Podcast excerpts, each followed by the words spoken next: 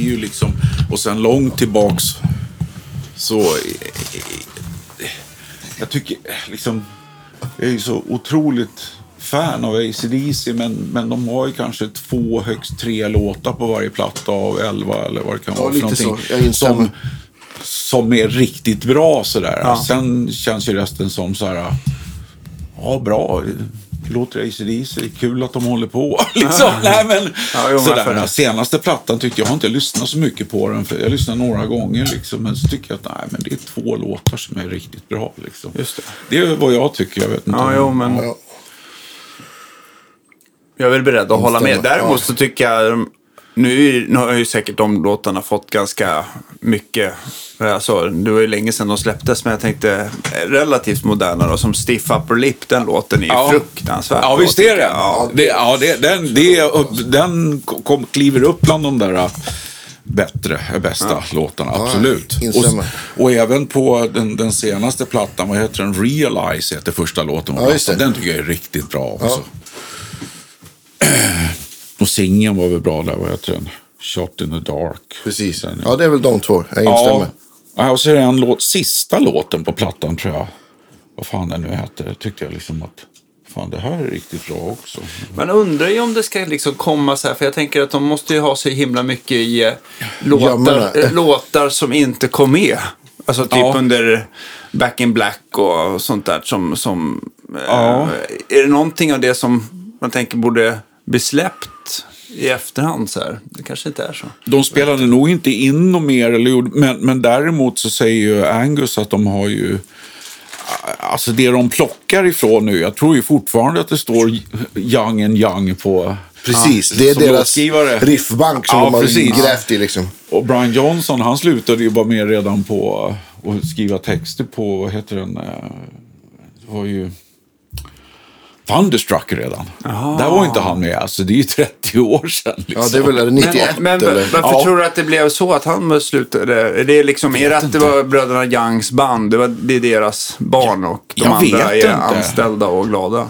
Ja, eller att de, de, när de skrev låtarna och riffen och det så kom det automatiskt texter och så, så nej, men gör så här nu Brian Johnson liksom. Ja, fine. Ja. Jag kommer ner och gapar. Ha- Hann du se någon eh, spelning, eller det kanske du inte gjorde heller, men jag tänkte Axel var väl, eh, ersatte väl Ja. Brian för att han hade lite hörselproblem va? Ja. Ja. Ja. inte så lite heller. Jag har läst hans bok nu, alltså, där han beskriver Ah, allting okej. vad som hände. Ah, shit. Men... Eh, Vad ja, var det som hände? Det var liksom tinnitus. Eh, Nej, det var så här att de, de, var, ute, de var ute på den här turnén då, vad heter den? Eh, Rock or Bust-turnén. Det. Och när de hade kommit mot slutet eller andra halvan någonstans där då liksom så, så gjorde de ju några stora gigs då, stora arenor liksom. Och det var något gig som de gjorde som det spöregnade och var ganska kallt. Och redan innan så kände både han och Angus tror jag att fan vi är inte riktigt krya liksom. Vi håller på att bli sjuka. Men Ja. skit i det, vi kör på liksom. Och så är han ute. Och du vet, de springer omkring där och det regnar och han blir våt och fuktig och svettig och det. Så där. Sen efteråt så flög de ju någon eller ett par gånger liksom till nä nästa konsert. Och han sa att fan, efter de hade fly flugit, men vi kan ju slå lock för öronen Ja, liksom. visst. Så tänkte Brian att vad fan, jag hör ju nästan ingenting liksom, efter den här, flyg, den här flygningen. Liksom. Och, men det går väl över. Sådär.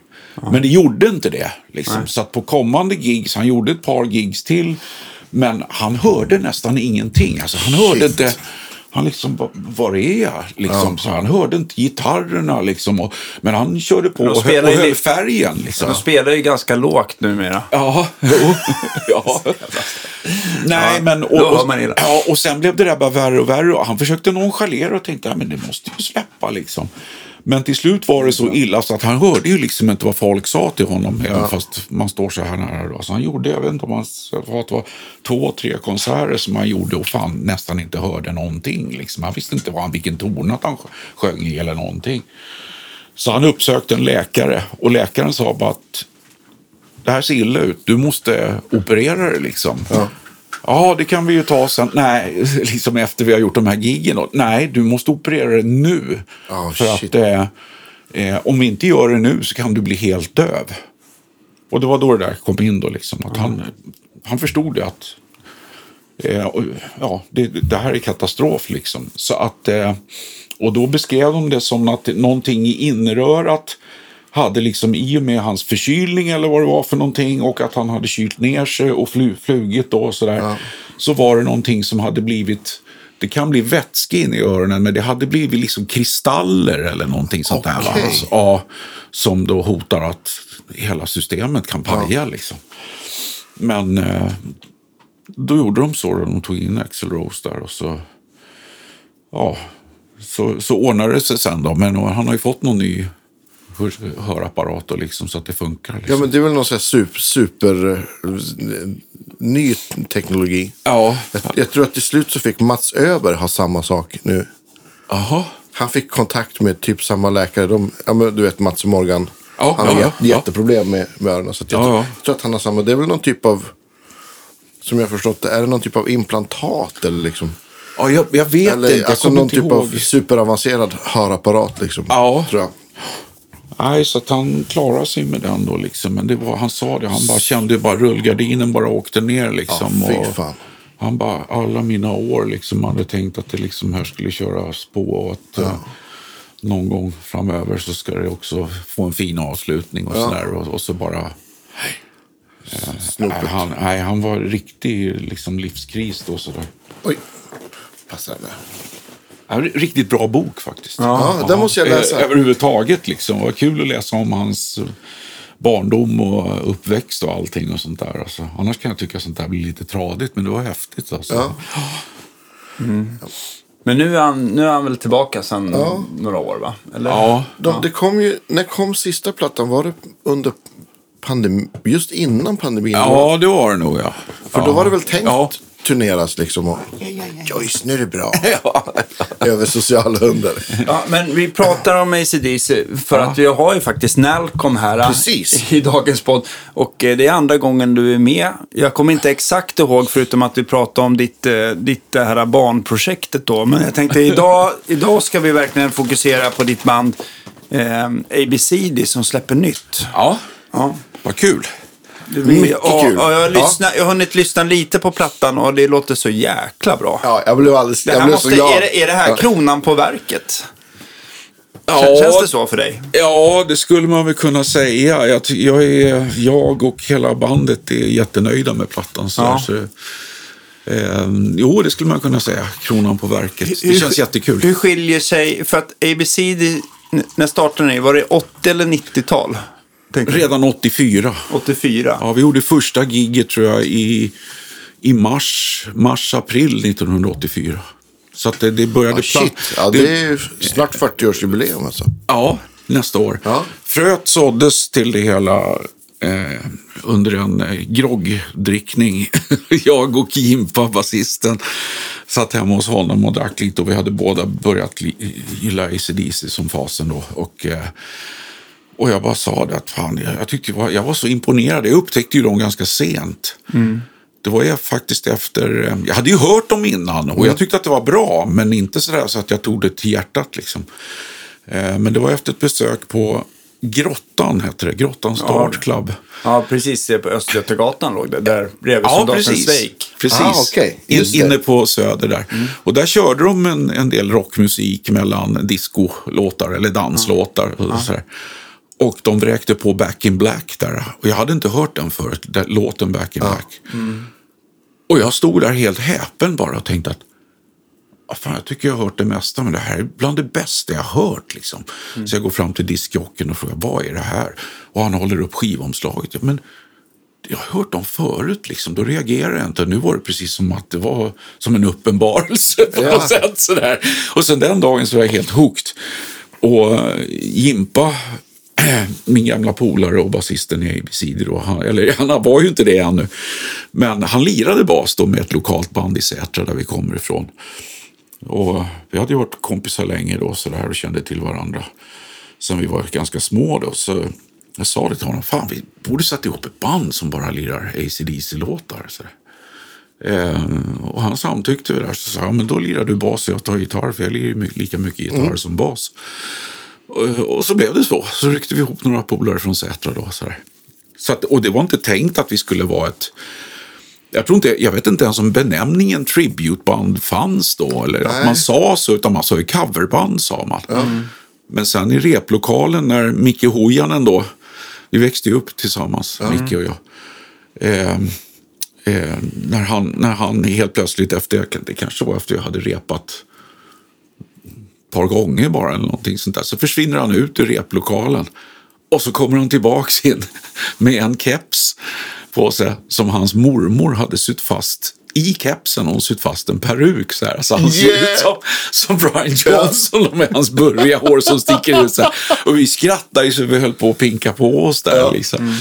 Så att, i och med det och sen att Bengus, eller Benke då, Ja.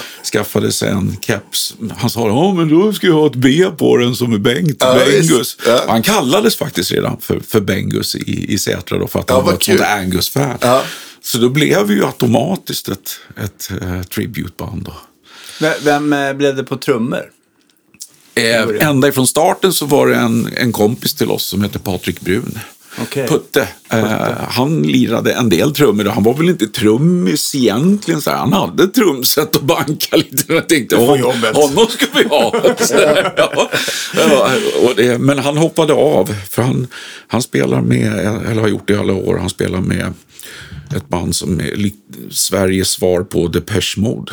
Okej. Eh, Mobile Homes heter det. Okej. Så han, Ja. han tyckte väl att nej, men jag ska nog Det var inte hans åt det här istället. Och även om han gillade ACDC också. Men började ni spela AC/DC-låtar då? ja, Ja, in, innan ni började liksom skriva något eget sådär. ja, Kommer du ihåg, vad, vad var första låten ni repade? det minns jag. Det måste ha varit Highway to Hell tror jag. Ja. ja jag tror det. Alltså, det, den, alltså verserna när de drar igång låten, det är ju typ, det, är, det är ju typ facit. Ja, Alltså, Ja. det är sånt jävla... Man, Ja. Att man kan ha huvudet still då. då var inte- Ja, det är omöjligt. Kanske jag, foten börjar den dagen åka. jag slutar nicka med huvudet till, den, Ja. till de verserna, då, då kommer jag uppsöka läkare. Ring doktorn. Ja, nej men alltså det är ju ja, Phil Rudd, min, en av mina största favorittrummisar. Han, det är något magiskt. Han spelar bara boom, klaff, boom, klaff. Men det, det, det är sånt driv, det är sånt sväng liksom. Ja, det, det, är, det är ingen som kan göra just det bättre. Nej, när de har haft andra trummisar i bandet så Ja visst, det har väl varit okej också, men det har inte blivit riktigt samma sak. Jag Alltså. instämmer, det måste vara han. Och det säger, de på, det säger de själva också att eh, eh, ja, även om då Phil Rudd var borta i 12 år eller någonting sånt där, va, första omgången, Ja. så, så säger de ju, jag tror var Angus som sa det, att men, det har liksom varit som att vi har väntat på honom att komma tillbaka, för han är det är han det ska vara för att det ska vara ACDC på riktigt. Liksom. För jag tänker också, jag tänker också att just eh, för att bli ett bra tributeband så vill man väl hitta, då, då är det ju så himla viktigt att, att eh, trummorna blir rätt också sådär. Ja, Men Provar ni runt mycket då efter första trummisen eller hur? eh, Nej, då efter Putte hoppade av så blev det Janne Perning som jag hade spelat med i många år i gruppen Koda. Koda och sådär. Så han var väl inte någon genuin rocktrummis, men vi, vi gick på det där att det, liksom, det ska vara polare och sådana som man har roligt med. Va? Det har varit grundtanken med hela grejen i, i första hand. Men ehm, eh, han gjorde det bra också. Och sen blev det ju Nicky Wallin efter det. Nicky Notinin Wallin som han kallar sig för nu. Helt okej trummis. Ja, han är fantastiskt bra. Men han, eh, jag fick honom att öppna ögonen för, Ja. för ACDC, så han gjorde det med bravur. Ja, ja, också. det kan jag tänka mig. Och nu Johan Kullberg som vi har då, han, är, han har samma... Det är lite Phil Rudd över honom tycker jag. Han är, eh, det är ett väldigt tåga, men han är också väldigt laid back. Sådär. Så jag tycker att det, det passar jättebra. Jag har funderat på det här många gånger. Om, liksom, det, det- är ju liksom kick, snare och hat. Det är liksom någonstans i var slagen ligger mellan hi-hat, kick och virvel som, som gör det. Liksom. Har, har du gjort någon djupare analys på det där?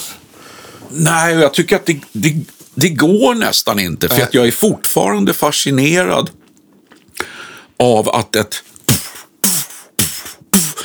liksom en, ett vanligt beat kan låta och känna så otroligt olika beroende på vem det är som spelar. Ja. Ja. Och det kan, man kan säga det där var bra, det var bra, det var bra, det låter bra, men det är annorlunda. Ja. Och jag vet inte riktigt Nej. vad det är som gör det. Alltså.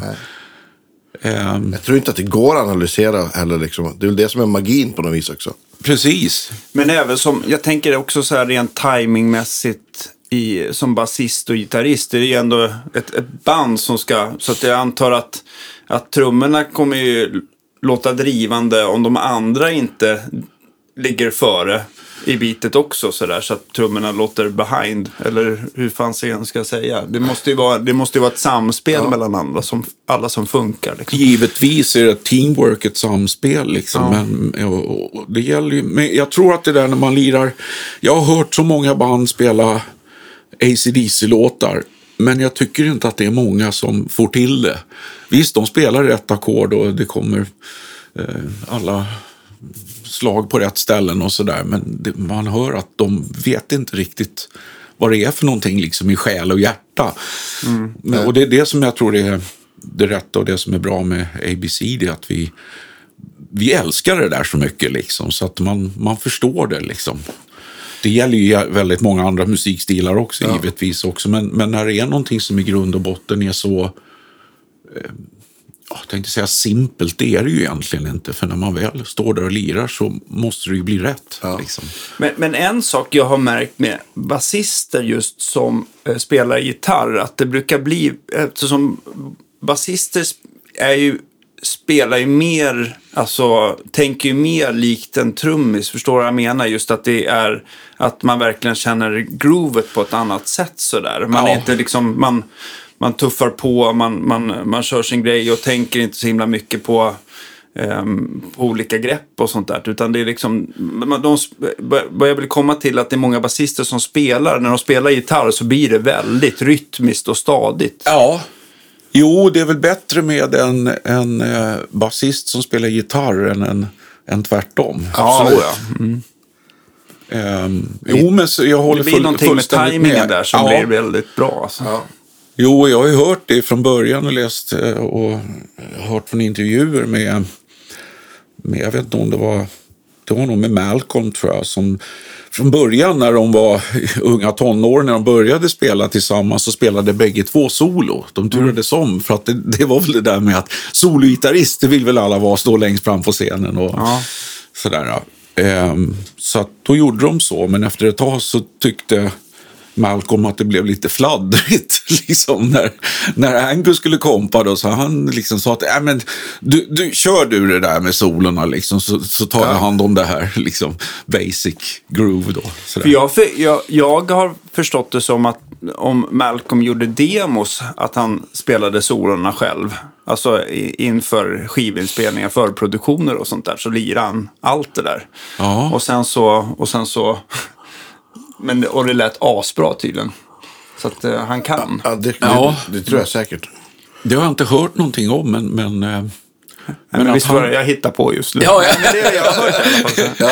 Nej, men han, han tog väl rodret där liksom på något sätt. Och det är ju, det är ju, många brukar fråga mig ibland liksom om varför jag valde bas för, som är mitt huvudinstrument då.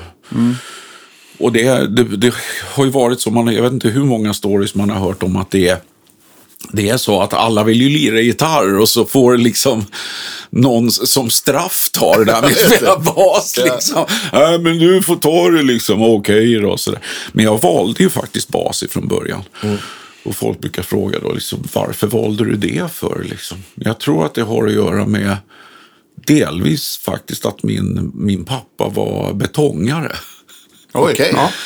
Eller jag jämför med det i alla fall. För att liksom... Solid, stabil ja, grund. Ja, precis. Vad hjälper det liksom om man har fin snickerier och grejer liksom på toppen av huset? Eller och snickaren har varit där och gjort sitt jobb och med allt vad, vad det gäller. Då. Men så är det ingen bra grund och då så är ju Ja, ja, allting ihop. Va?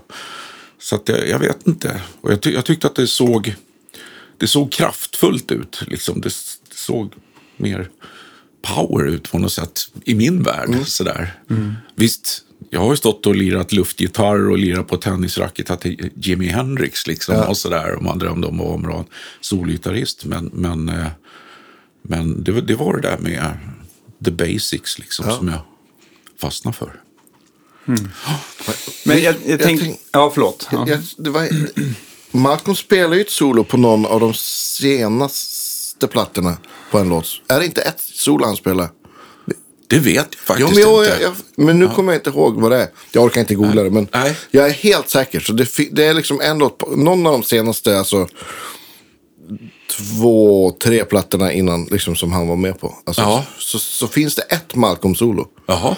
För jag kommer ihåg att det var också, jag, då den släpptes var också, så stod det också i någon så här typ, i någon recension. och så, Ja, Malcolm spelar ett solo liksom så här. Jaha. Ja, ja vi, vi kollar på det här sen. Ja.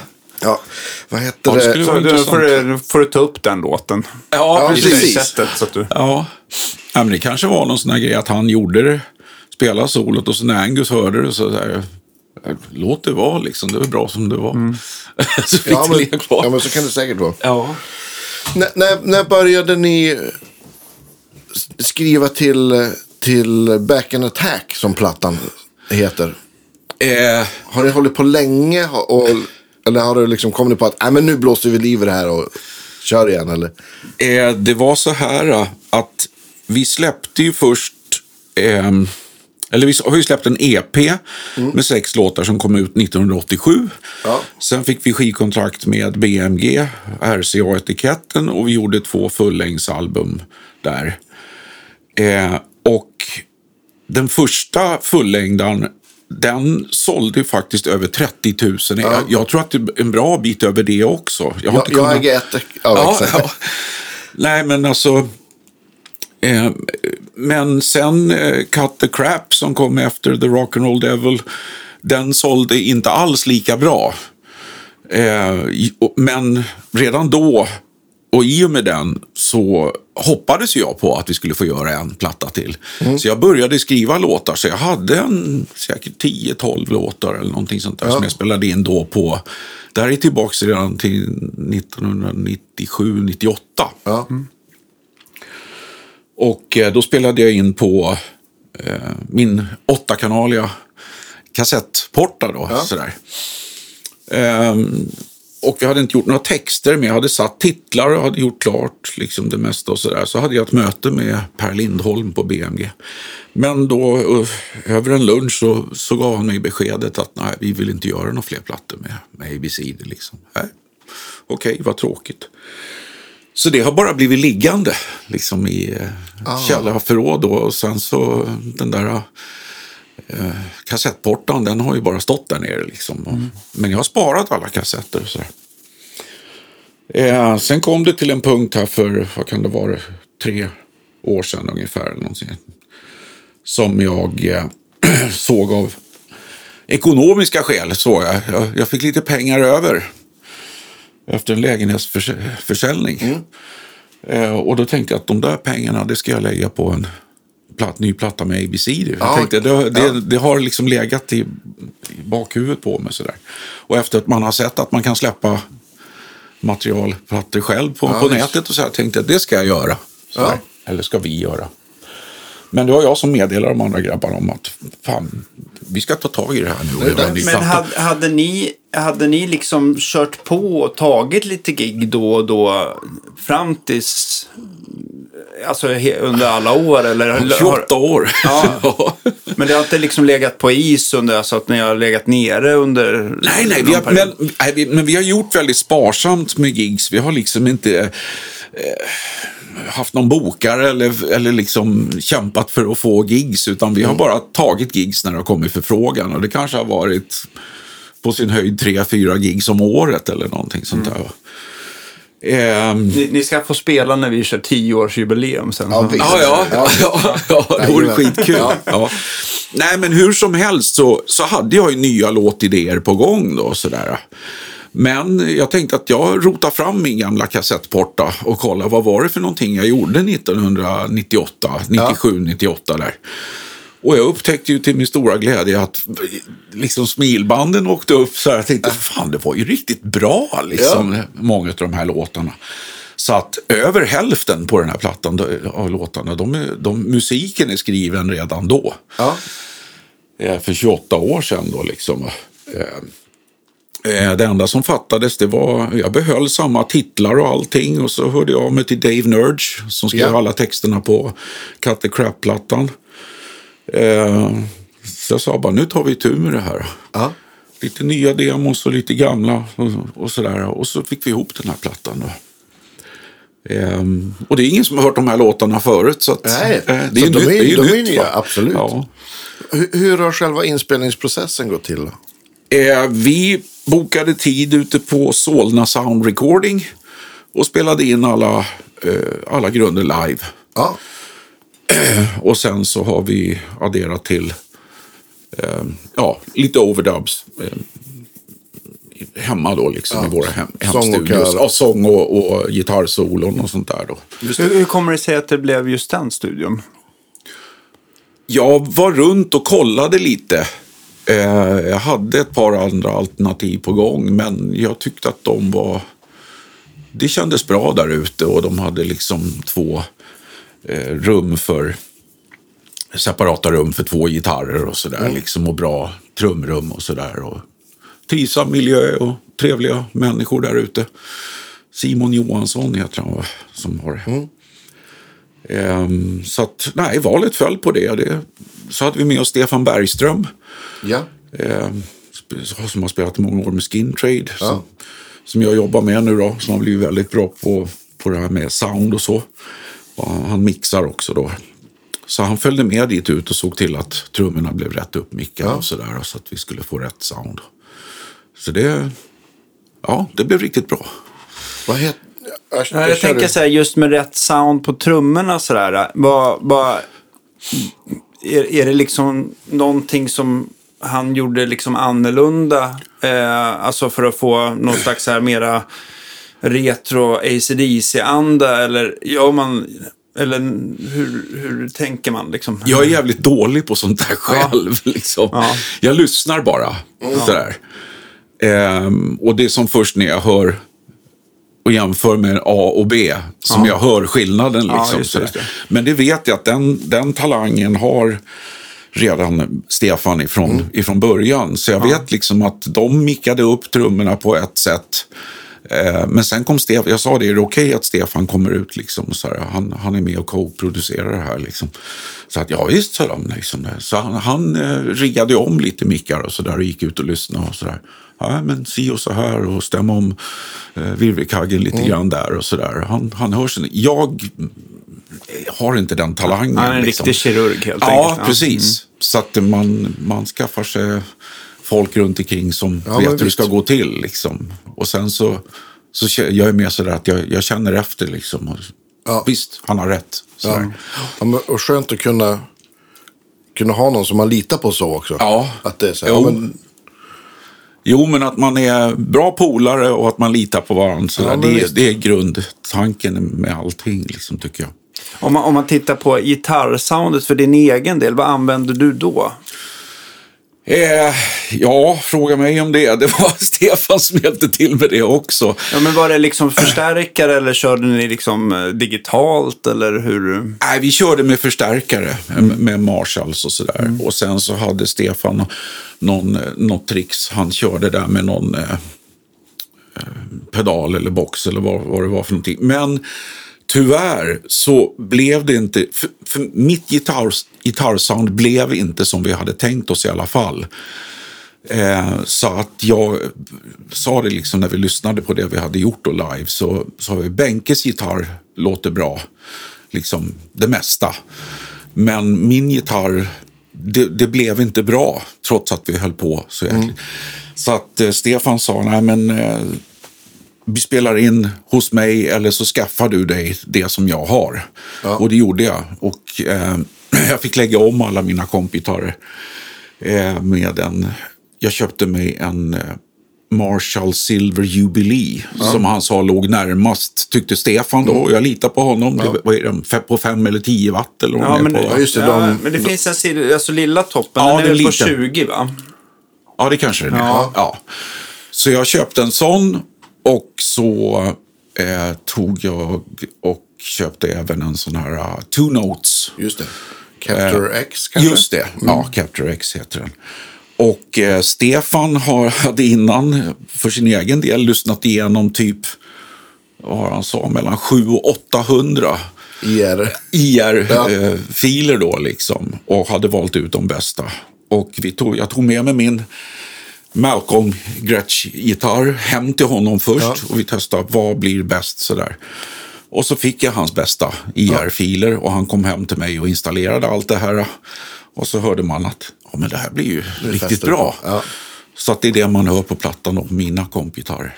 Hur känns det liksom rent att, att spela in gitarrer, kompgitarrer efterhand? Eller, eller när man står och ser varandra i, ja, i studion sådär?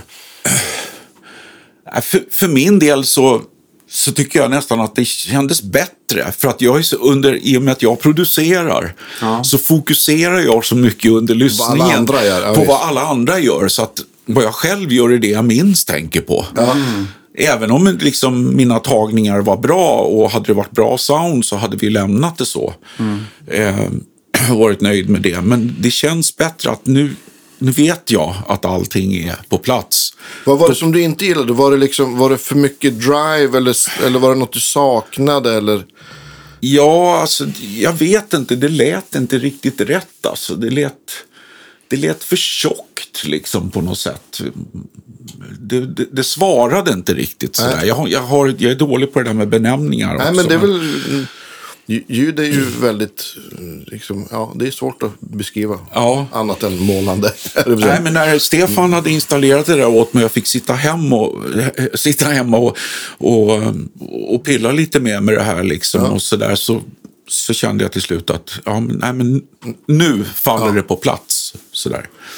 Och det tycker jag är det är viktigare än att man ska kunna säga efteråt att ja, allting vi spelade in var live liksom, men Nej, men jag tycker väl ändå att det är ändå resultatet som... Alltså Precis. slutprodukten Ja, som ska... absolut. Alltså. ja, Sen så tror jag att det gynnar vissa att lägga om eller, eller spela in efterhand eller, eller spela in tillsammans. Det är Ja. väl lite för efter, efter vem man är. Ja, men det tror jag också. Och det är ju egentligen så som man väldigt ofta alltid har gjort, mer eller mindre. Liksom.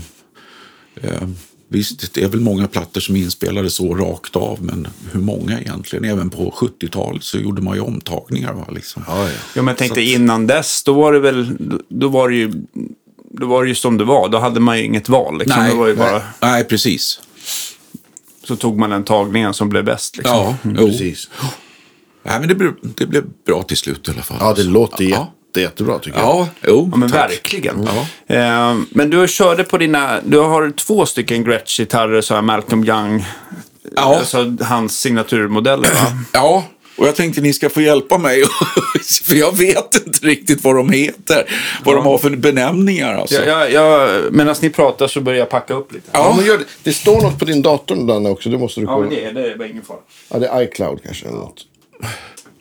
Ja, nej, men den eh, första då som är, eh, eller första, den första jag fick.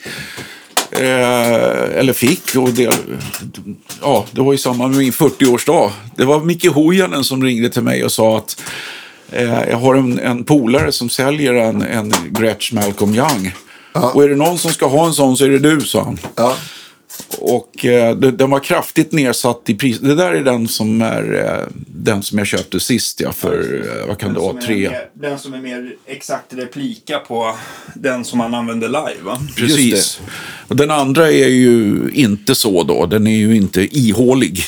Vad kallar man det för? Jag tror, jag tror, jag tror att de är... ehm, Ja, just det, men de det är ingen- De är um, halvakustiska. Anders Kahn hade en sån här som han sålde. Ja, just det. Jag hade en sån. Ja. Ja. Men, eh, gång. nej, men så den har jag haft i snart 20 år då. Liksom. Eh, men så gick jag in på Deluxe Musik en dag för, vad kan det vara nu då, tre år sedan. Och då hängde den där gitarren där och eh, lyckligtvis så hade jag pengen att, att köpa den då. Så att jag tänkte, ja men en sån där ska jag ha också. Superfin. Såklart. Får man testa? Så det är den som är... Eh, alla grundpålägg är med den. Sen med min först, inköpta då. Eh, det har jag gjort något overdub med då. Sådär, men... Men skiljer de mycket, eh, alltså de skiljer lite i plugget eller är det mer hur de känns att spela på? Som... Nej, det, skil, det skiljer... Det, det skiljer du hör, det låter ju mer uh, Ja, akustiskt. Det, det blir, eftersom man har tagit bort, det är en tremickad gitarr där han har tagit bort eh, mitt och halsmicken, det är bara stallmicken kvar. För jag Ja. tror att han, alltså tanken var någon, någonting att det enda han var less på det var när elektronik och sånt strulade. Så han Ja. ville ju ha, det var verkligen less is more. Ja, jo. Så han jo. plockade bort allt han inte behövde och plugga hål med. Ja. Just det. Ja. Nej, men det låter... På, på, vissa, på vissa ställen på plattan, eh, vissa låtar, så har jag fått till soundet riktigt bra. Det där lite mellanregister. Eh, Precis. Näsigt men varmt. något ja, sätt. precis. Här. Och, eh, Ställ den bredvid dig här. det är väldigt... Det är, det är svårt att få till det där ljudet tycker jag, men eh, Ja, den är, det är verkligen mer akustiskt ljud i den där. Alltså. det är det. Ja. Så vi, jag hade med mig bägge, bägge gitarrerna till Stefan Bergström. Och vi sa nu, nu ska vi jämföra här liksom. Ja. Och så satt jag och lirade till, Ja, en, vad till en färdig grund och sådär. Och det var ingen tvekan. Det var, det var, Det var den, den där, Det där ja. låter mer Korrekt. AC/DC på riktigt Malcolm. Liksom. Ja. Den har ju, lite, den har ju liksom de här... eh, Det som skiljer, i, förutom det här med mickarna och att den här låter mer akustisk, så är det ju lite stallet och sånt där. Eh, Det här, är ju- det här är ju sån här, man ska säga som att de har det som en... Hela, hela stallet från E-sträng till E-sträng är som en gängad axel och sen så är det rullhjul som man ställer strängspacingen med. Och Ja, den går precis. inte, alltså för att intonera den här så måste man ju liksom flytta stallet lite fram och tillbaka över kroppen då. då så att, och det Ja. går liksom inte finjustera sträng för sträng som på, på det här ehm, vad ska man säga, wraparound-stallet som du har på den andra. Då. Men, är, men, men det, har, det funkade bra ändå misstänker jag. Det, det funkar hur bra som helst. Och i och med att man mest spelar i halvläge, som man säger, det, liksom, högst upp vid huvudet. Så, Ja, just det. Just det. så eh, visst. Ja. Men annars tror jag den, den stämmer rätt bra. Jag har inte meckat någonting mer än sådär. Utan, Det satt lite filt där för att inte strängar ska... ja, för det, mycket. det ringer som fasen alltså. Så att vi, det var Stefan som gick in och hämtade den där när vi spelade in den första låten som vi gjorde då, eh, vad heter den, 21 Gun Salute. Så sa han att det, det ringer lite för mycket om det där. Liksom. Så gick han och hämtade den där lilla filtduken då, Ja. eller vad det är för någonting. Så, ja, men nu låter det ja, som det ska då. Otroligt tuff. Ja, Ja, Ja. man blir glad. ja. Nu kommer jag inte ihåg exakt vad de här heter. Det är en duo-jet fast, Ja. med, fast med double cutaway.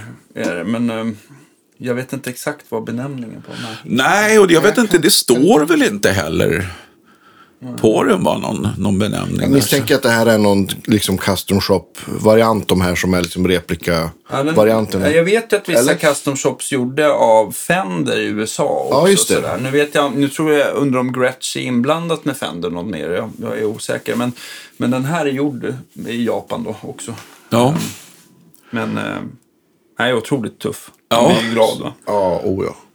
Och det som är med den andra, den här, det, den första du har, där har ju Gretsch deras egna, eh, vad heter det, eh, Japan, Japan-mickar. Just den här sitter det då någon, någon variant på TV Jones då, som gör amerikanska repliker på Just gamla det. filterfrons. Ja, jag, jag vet och kan inte speciellt mycket om det där. Det, I grund och botten ser det, ja, men nu har jag en Malcolm-gitarr. ja. vad, vad, vad, vad körde du på innan du hade? Vad hade jag då? Jag hade någon Ibanez-gitarr alltså, som... Eh, jag kommer inte ihåg Nej. faktiskt. Men man tycker lite grann, alltså oavsett om du har varit när du har spelat med Kyss eller med ABCD så är det väl ändå så här, det är ju ändå lite grann att det är viktigt att det ser rätt ut så Ja. med, med rätt typ av eh, ja, men jag tänker Kyss kanske är ännu känsligare för där är det väl mer, det är ju så mycket mer med kläderna. Ja, och- visst. Det här, då är det total image. allting. Ja. Jo, visst. Ja, det är rätt lustigt alltså att både med Kyss och, och ABC så har jag haft mina dyraste instrument. Liksom. Ja, just De här, det. ja, det jag har kört på som frilansare då, liksom, eller andra band jag har varit med i och är med i så har det varit billiga instrument i jämförelse med, med de jag spelar med tributebanden. Då. Ja, just det, det just roligt. Ja, den här kan jag tänka mig inte var helt, helt gratis. Nej. Nej, nej, men det, det kändes bra då jag gick in och så, den, den låg på 32. Ja. Och jag frågade dem på Deluxe eftersom ja, både du och jag, Jag har jobbat har där. jobbat där. Ja. Och så sa han, ja, du kan få den för, för 28 sa de. Okej, jag tar den. Det, kändes, nej, det kändes rätt bra då. Ja, det förstår jag. Min, min, ty, tyvärr så hade min mamma precis gått bort och jag hade fått lite pengar efter henne. Inte så mycket, men det räckte. Så att jag sa tack mamma. sa Ja, men visst. Vad Ja. fint. Superfin Ja. historia. Jag, jag såg ABCD i Eskilstuna utomhus. Det var en sån festival. Kan det vara så här 10 plus år sedan någonting? Kommer du ihåg? Det var, jag, tror att, jag tror att... Kan det vara så att Mats Levén sjöng? Ja, så var det. Ja. Det var fruktansvärt bra. Det var Ja. jättebra. Det Ja, var sommar. Jag kom, så jag tänkte om du säger kommer ihåg. Det kan ha varit någon du vet så här. Tänk stadsfestival eller något sånt där. Ja. Jag kommer inte ens ihåg vad jag spelade med. Men jag Nej. var så glad för jag insåg att jag skulle kunna gå och se ert gig. Det krockade inte. Så. Ja, ja. Ja, men det var utomhus i alla fall. Stor scen. Okej, jag, jag, min- jag minns Det är enda faktiskt gången jag inte. har sett alltså. er, så Ja. Mm. Men just, just när det gäller eran line-up där så är det du, Bengus, eh, er trevliga basist, eh, som har varit med under alla år. Ja. Medan ni har bytt trummisar eh, Och sångare. Och sångare. Precis Ja. som ACDC. Ja, ja, faktiskt. Ja, så är det lustigt. Ja. Ska det vara tributeband? Ja, så- eller hur? Ja, ja, det är lustigt. Det har bara... inte till, du får inte dö nu. Nej, exakt. Nej. Nej, just det. Ja. Ja. nej, jag ska hålla mig vid livet Ja, det är till. bra. Det är bra. Nej, men det, det har bara blivit så helt naturligt. Och, eh, sen har vi ju haft, vi hade lite problem med det här med, med sångare. Eh, för att... Eh, Det var svårt att hitta någon som hade kristaller i öronen. Ja, precis. Ja, ja huvudligen ja. Nej, men alltså jag satt och kollade på eh, på YouTube och vi, vi kollade på efter en ny sångare. Och eh, jag tänkte att vi måste ha någon som både låter och ser rätt ut. Sådär. Och någon som passar in som eh, polare helt enkelt. Ja. Ja. Och så hittade jag då Martin Edin till slut. Eh, som spelar med ett, ett annat ACDC tributeband som heter Hazy Dizzy. Och han är enormt bra. Ja. Eh, och, eh, men inför inspelningen då så då, då visste vi inte riktigt hur vi skulle göra så där med sånger. Så att eh, inför vi- skulle göra, spela in den första singeln som var 21 Gun Salute som den heter då. Så tänkte jag vi måste ha någon som låter som Brian Johnson på riktigt sådär. Och då hittade jag den här Ivan Gack. Har ni sett honom? Nej. Eller? Jag kommer ihåg att Jag, du jag visade mig, på att du det, det visade mig är då. otroligt Ja. likt. Alltså. Ja.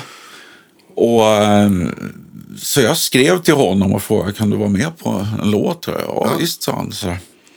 Va- Var kommer han ifrån? Chile. Ja. Så jag skickade över bakgrund och sådär till honom och det blev jättebra. Så där.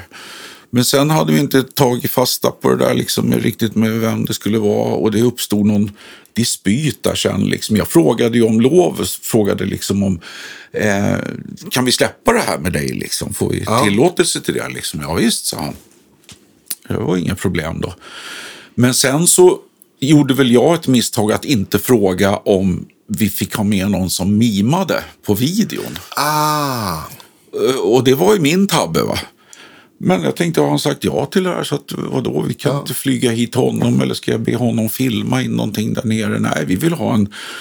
eh, Så att det ser ut att vi står där tillsammans. Va? Liksom. Så att jag tänkte inte mer än så.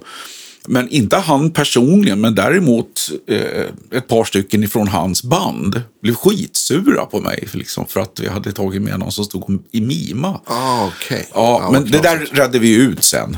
Ja, skönt. Eh, jo då, det, det redde vi ut. Men jag tänkte att nej, men nu är jag försiktig med det där. Så att vi ber inte honom om mer. Eh, men sen fick jag faktiskt höra liksom att någon sa, eller ett par stycken som sa att så här, Ja, det låter precis som ACDC och han låter precis som Brian Johnson, men so what? Sådär liksom. Eh, sen när jag av en händelse var med på en podd faktiskt tillsammans med Filippa Nessil från Thundermother. Motherfucker tänker jag alltid säga. Thundermother. Ja. Eh, och jag pratade med henne och vi- pratade, jag berättade om min fästmö och sådär. Jag frågade om hon hade förhållanden. Jag har varit tillsammans med Pontus Snibb i, tio år, sa hon. Och så här, det låter bekant. Bonafide, ja. sådär. Och så lyssnade jag på det. Så. Ja. Och, och så gick det bara upp som ett ljus för mig. Fan, han, det skulle Ja, vara skithäftigt att ha honom med. Så frågade jag henne, skulle, skulle jag kunna fråga honom tror du? Så ja. ja, han brukar inte vara med på, på så mycket och tacka ja till så mycket grejer, förutom grejer som han själv gör. Så där. Men eh, fråga kan du alltid göra. Så där. Och han sa ja direkt. Ja. Liksom, så där. Ja, skitkul! Så där. Och um, sen i jämförelse med det där med vad som låter precis som ACDC och eller inte. Liksom Pontus Nibb låter lite, li, ja, någonstans mitt emellan Exakt. Bon Scott och Brian Johnson. Så, där. så då var det många som sa till mig när vi släppte första låten med honom så där, de tyckte att ja, det låter som ACDC men ändå inte så där. Det låter lite mer spännande. Ja. Så då tänkte jag, men vi tar med honom på några låtar till. Liksom, sådär. För jag tyckte att bara det låter rock'n'roll Ja, och på riktigt. Ja. Och det gör verkligen Pontus, tycker jag. Verkligen alltså. Och så sa han ju själv att då måste jag bli Bontus. sa han. ja, ja men jä- jättebra liksom. Bengus, Bontus, Ja, Na-. Nalkolm Ja, liksom. Så, eh, Nej, så nej, att- varför, varför Kullberg? Ja, Jag döpte honom faktiskt och sa att han fick heta eh, Rude Phil. Istället för Phil Rudd. Ja, måste vränga till hans namn. Ja. Det var ju som när jag hade Simon när Simon Wright var med i bandet, då, då, då vände vi på det. Då hette, då hette ju vår dåvarande trummis Raymond Left. Såklart. Ja, och Malcolm när jag pratade med honom på Café Opera då 96 när jag sa att jag heter Nalle, men så då blir jag Nalcolm så, såklart. Och liksom, Ja. Det tyckte han var skitskoj Ja. också. Då. Eh, ja, nej, men jag, jag tycker att det låter... Jag, jag tycker det själv att det blir lite spännande på något sätt liksom med, med Pontus Snibb där. Ja. Och så frågade jag ju Hojanen om han ville... Jag vet att han vill väl inte vara med liksom i bandet så på riktigt igen, men du skulle väl kunna vara med och spela in några låtar till plattan då. Så Ja. Det blir 40-årsjubileum. Ja, visst, sa han. Så jag skickade över några, några, några låtar så kollade jag. Så, där. så valde han ut tre stycken av sex. Då, så. Mm. Men, men, om, man, om man nu jämför Hujanen med, med, med, eh, med Bon Scott och Brian Johnson så är jag väl, det tippar väl mer åt Brian Johnson då? Ja, då. absolut. Och jag sa det till honom att han, han har ju liksom äh, gjort till rösten lite sådär och sjungit som Bon Scott också på någon låt som jag, eller på några låtar som jag spelade in förut. Då. Men jag sa det, jag vill att du sjunger som Brian Johnson liksom för att Pontus Snibb gör redan det här liksom att, som, vi, ja, som, som drar Bon Scott-hållet. Så Ja. att eh, vi vill ha lite variation sådär. Och uh, han hittade något läge. Jag, har ju, jag sjunger in eh, liksom guidevokal Ja. först då sådär. Och när han hörde det liksom så sa han att ah, det funkar inte. Jag sjunger mer som jag gör på riktigt. Ja, kör bara som det känns bra Ja. liksom, sa han. Så, ja, men det blev ju ball här. Ja, visst, kanon. det ska kännas bra liksom. Ja, men visst. Så, så fördelningen på plattan är att eh, vår, eh, han från Chile var med på en låt. Eh, Pontus, Pontus- Snibb sjunger på sex stycken och Hojanen på tre. Ja. Ja. Och sen så har vi Martin Edin som Just det. live-sångare. Och det gör han riktigt bra. Alltså. Kommer Martin vara med på, för ni ska ju ha release-kalas i dagarna två. Ja, Ja, andra och tredje juni på Pub Anchor på Sveavägen 90. då måste man ju komma. Alltså. Ja, det tycker Ja. jag ni ska göra. Jo, då kommer Martin Edin vara med. Och eh, förhoppningsvis, om det inte ramlar in någonting i schemat för Hojaden och Pontus Nibb, så kommer de att dyka upp någon av dagarna i alla fall. Och gästa. då. Ja, ja, det kul. har de sagt nu att de ska göra. Ja, vad kul. Att, ja. Så det blir lite happening. Ja, sådär. verkligen. Ja. Jag har en, en barnhelg då. Så, så att jag får klona mig själv. Ja. Ja. Jag får gå båda dagarna sen, för jag, är- jag är helt ledig. Eller jag spelar den andra, men väldigt tidigt. Men Danne, det gäller ju att prioritera. Ja, Ja, jag sitter ju här. Ja, men exakt. Astrid eh, för första gången får, får vara barnvakt. barnvakt Ja, ja, och ta hand om eh, grabbarna. Men, Ja, ja. Men två blöta kvällar på Anchor, det är för mycket begärt. Men du slog väl på For Those About To Rock innan du gick ner, eller hur? Nej, jag lyssnar på nya plattan som jag tycker Ja. är så... Ja. jag- Nej, jag tycker det är så jäkla bra. Alltså. Ja, men, Jo, men jag tycker vi har vävt ihop det till en bra helhet faktiskt. Det går en röd tråd genom plattan tycker jag. Sådär. Jag måste säga att jag är riktigt nöjd med det själv. ja, du ska faktiskt. vara skitstolt ja. tycker jag. Det är mm. svinbra skiva. Ja. Jag lyssnade faktiskt igen men i, igår senast. Sådär, Mm. liksom, jag satt och pysslade med någonting. och tänkte, ja, men nu var det ett tag sedan jag lyssnade på allting. Mm. Jag kände att ja, visst, det blev bra. Ja. Ja. Har ni börjat repa inför release? eh? Nej, utan vi, eh, vi repar en gång innan, Ja. eh, liksom kvällen innan Ja. vi ska köra det på Anchor. Då. Det, det brukar vara som att hoppa på en cykeln. Liksom. Ja, Sådär. Det brukar funka. Det är väl ett par, tre låtar som vi måste liksom kolla in lite närmare. Våra egna faktiskt. Ja, jag förstår. Ja. Men kom, kommer ni köra två set då? Eller kör ni liksom... Nej, vi kör ett set. Ja, ni kör ett set. Ja, Ja. ja. Och det, ja, det, det är lite knasigt bara att man spelar så sent på Anchor jämt. Ja. Alltså. Det är ju, Var det halv ett? ja, och det brukar bli kvart i ett eller någonting sånt där. Det, ja. men, men så är det där, så det blir väl bra. Tur att du inte kan sova så bra. Då. Precis. Ja. ja. Ja, riktigt kul. Ja. Du, du berättade ju en, en cool story när du träffade boysen i ACDC precis då, då jag kom hit. Den måste du berätta för, för lyssnarna också. Och så kanske vi får ta en bild på den där och lägga ut sen. Absolut får ni det. Jo, nej, men det var så här att det var ju under, det var 1996. Eh, eh, april 1996. Och eh, vi var och såg ACDC då på Globen. Vi, eh, efter konserten så går vi därifrån, väldigt nöjda. Det var oerhört bra. Eh, och eh, vi bestämmer oss för att åka in till Kungsträdgården, till Daily News. Som låg i ena änden av Kungsträdgården då.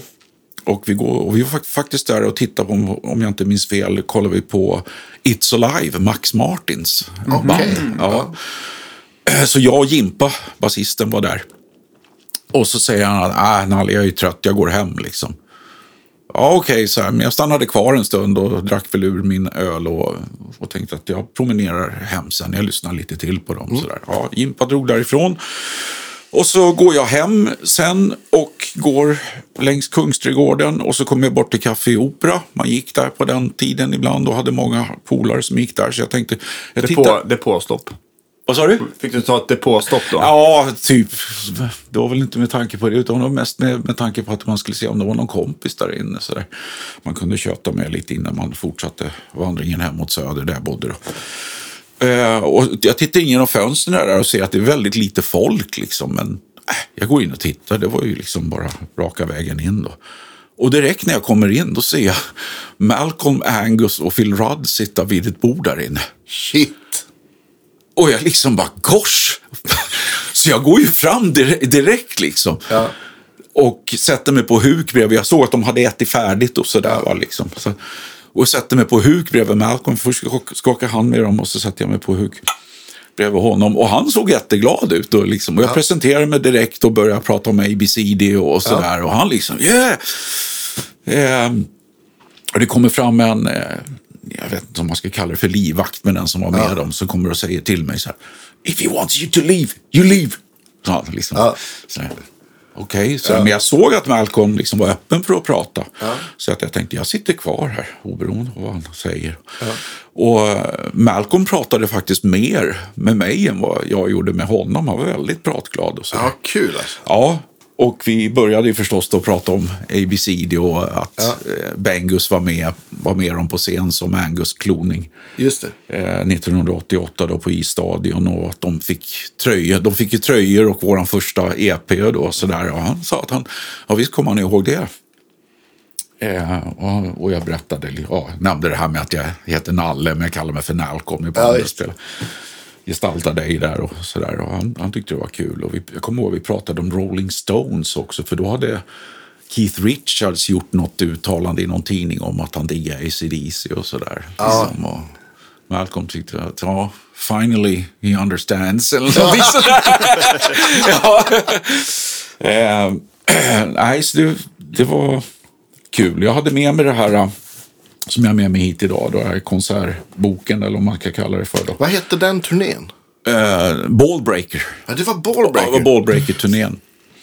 Så jag hade med mig det. Så, så jag liksom sa så här, wait, can, can, can I, uh, can you, could you sign this for me? Liksom, och, och sa, sure. han. Så jag gick till eh, baren och hämtade, de hade en vit, en vit spritpenna. Ja. Och, eh, och då skrev han väl utan att jag sa någonting till honom så skrev han faktiskt To Malcolm, ABCD from Malcolm, ACDC och så datum Yeah. och sådär. Ja. Eh, Så det var ju häftigt och jag fick Phil Rudds och Angus Youngs autografer också då. Eh, och sen så kändes det som att äh, men nu ska jag inte störa dem längre. Så jag Ja. gick bort till baren och ställde mig. Och det var fortfarande väldigt tomt med folk där inne. Eh, och efter en stund så reste de på sig och skulle gå då. Då vinkade Malcolm på mig när, innan jag gick. Sådär. För det var ju tomt där inne så det var inga människor att se förbi. Liksom. Så han vinkade, jag vinkade tillbaka. Så. Ja. Och det kändes som att, vad häftigt. Ja, jag fick prata med min stora idol där. Och, eh, det var ett trevligt möte med Ja, honom. vad kul, vad kul också att det blev ett så bra möte. Ja. För en del människor, du vet den här gamla never meet your heroes-grejen liksom. Att Ja. det blev så här tvärtom, att det var så här, att han var supertrevlig och pratglad. Och, Ja, och, ja. Ja, Jag har varit med om, kan jag bara nämna kort, ett, ett inte lika positivt möte. Det var eh, liksom långt innan, från när jag var väldigt liten, så Deep Purple har alltid varit Ja. liksom väldigt stort band och en grund för hela min musikaliska bakgrund också. Och jag träffade Ian Gillan, han stod helt plötsligt bredvid mig. Eh, 1994 var det, inne på ett hotell i Göteborg. Och jag hade med mig, jag hade förberett mig, för jag, visste, jag spelade med Stefan Andersson. Då. Ja. Och vi skulle spela på samma scen som de där. Då var Joe Satriani med förresten. Det var precis när Richie Blackmore det. hade hoppat av. Eh, och han står bredvid mig och jag säger snällt bara liksom att Mr Gillen, excuse me, but could you... Och han, han liksom, Oj. Ja, han var skitgrinig. Jag tänkte varenda gång jag möter en stor idol. Liksom. Nej, men han, han signerade åt mig i alla fall. Då, liksom. Men han tyckte att jag hade avbrutit honom när han stod och pratade med någon. Då, så, Ja. Sorry. Liksom. Han signerade men sen så fick jag nöja mig med det. Ja. Ja. Men Malcolm var jättetrevlig i alla fall. Och eh, Angus och Phil Rudd pratade jag inte med. Jag sa bara till Phil Rudd att det var ju just då när han hade kommit tillbaka. Så att jag sa bara, nice to see you back, sa han. Han nickade och log. Liksom. Var bor Angus nu? Jag tror han bor i Holland, va? Är det inte något sånt där? Det Jag vet förut. faktiskt inte. Jag tror det också faktiskt att det är Holland. Men jag vill minnas att det har varit folk som har hälsat på han just därav. Alltså bara knackat dörr och han har bara öppnat och varit glad liksom. Så att, det- ja, både med sin fru. Men det är vad jag har hört. Sen så fa- fattar man ju inte riktigt när man väl har varit i Australien. Jag har varit där en gång att man vill flytta därifrån. Men det är så jäkla nice väder och Ja. Jag må- Det måste jag säga att vi träffade ju, jag och Jimpa smet ju med på en, eh, det var 88 tror jag. Ja, det var det. Då lyckades vi smita med en eh, fotograf in på Sheraton till presskonferensen där. Och vi ställde oss ut i korridoren för vi visste inte om, om vi skulle våga gå in där bland alla fotografer och Ja. jour- journalister. Så vi stod utanför och var fortfarande lite sådär att är det någon som kommer att säga till oss att gå? Så där, Eller de kommer att ifrågasätta vilka vi är om vi går in där. Och, och då ser vi ju någon komma, en tvärhand hög figur komma liksom långt bort i korridoren. Så där. Det var ju Angus då. Ja. Eh, och vi stannade honom. Vi hade ju med oss eh, plattan då, liksom, och en t-shirt också. Ah, vad kul. Sa, ja, han hade redan fått det, liksom, så här, men bara för att visa vilka vi var och sådär. We're from the band ABCD. Så där. Och han stannade och, och, och pratade, även, om, även fast han var på väg in. Liksom, och, eh, så stannade han kvar och jag babblade på, som jag gör nu. Sådär, och, och han liksom stod artigt kvar. Och det kom förbi någon och snackade med honom lite, så han avbröt sådär. Och så sa han någonting till den här som skulle vidare in på presskonferensen. Det var väl någon som tillhörde sällskapet då. Men han stod kvar. Eh, och han liksom, ja, wait, sådär liksom. Så att jag skulle få prata klart. Ja. Jätteartig, sådär. Ja. Kul. Det var en liten, liten pratstund med honom Ja. också. häftigt. Ja. Jag, jag, blir, jag, jag, tror att skulle jag träffa Angus tror jag att jag skulle bli starstruck på riktigt. Jag är ganska så svår. Alltså, ja, men, jag- ja, men, inte svårimpad, men jag blir liksom inte starstruck. Men då tror jag faktiskt att, för han är liksom anledningen till att jag spelar gitarr. Så Ja. då tror jag att jag skulle bli helt så bara, Ja, jo. Jo, så det, det jag slogs av då, när jag, se- inte den gången med Malcolm, men med Angus, när han stod där och han liksom, jag är ett huvud längre än honom. Ja, liksom. Och han är ju så tanig, liksom. han ser ut som en sjätteklassare. Ja, liksom. Sådär li, äh, liten. Och så tänker jag, de där stora riffen kommer ur den där lilla, lilla filuren. Liksom. Back in black liksom. Och, Ja. ja. Det är så himla roligt. Som jag hörde någon podcast med, med, med Dweezil Zappa, Frank Zappas son. Ja. Där han säger så här, ja, men, ja, jag vill ha en sån här stor tuff Eske som Angus har. Jag vill inte ha en sån här liten töntig som du har pappa. Ja, ja, okej. ja, ja. Jo, Det är så jävla roligt. jo det, var, det vet jag. Det var nog våran första trummis, Patrik Brun, där, som sa att eh, han tittade när han står med sin White Falcon, heter det. va? Ja, visst. Malcolm står där med den. Så liksom så, det ser ju ut som man spelar på en roddbåt, sa han. ja, men det finns ju i boken finns ju några bilder man ser med, Ja. med White Falcon. Så, ja. Ja. Ja, men alla, de, alla de där är väl typ runt en 60 eller något sånt där va? Ja, drygt 1,60 tror jag. Väl, någonting sånt där. Jo, de är väldigt små. Alltså. Och det såg jag ju då när de reste på sig från bordet där. När jag träffade dem på, på Café Opera. Då, att liksom, när han reste på sig så såg det ut som han fortfarande satt. Underbart. Ja. Ja. Hur, hur, eh, hur har ni tänkt så här, eh, efter eh, releasen på Anchor då, 2 och 3 juni för folk som vill gå? Ehm, vad, eh, har ni bokat in någonting mer eller ehm, tänkte ni... Hur, ja, vad är planen helt enkelt? Vi har några spelningar till. Det har väl givit lite frukt. Det är inte så många. Jag tror bara vi har fyra, fem spelningar eller någonting sånt där som är inbokat resten av året. Då. Men eftersom det är 40-årsjubileum nästa år så finns det i alla fall i mina planer. Jag har redan börjat prata med ett par bokare eh, om att få igång det hela till nästa år. Ja. Eh, för att det här är någonting som jag verkligen vill göra.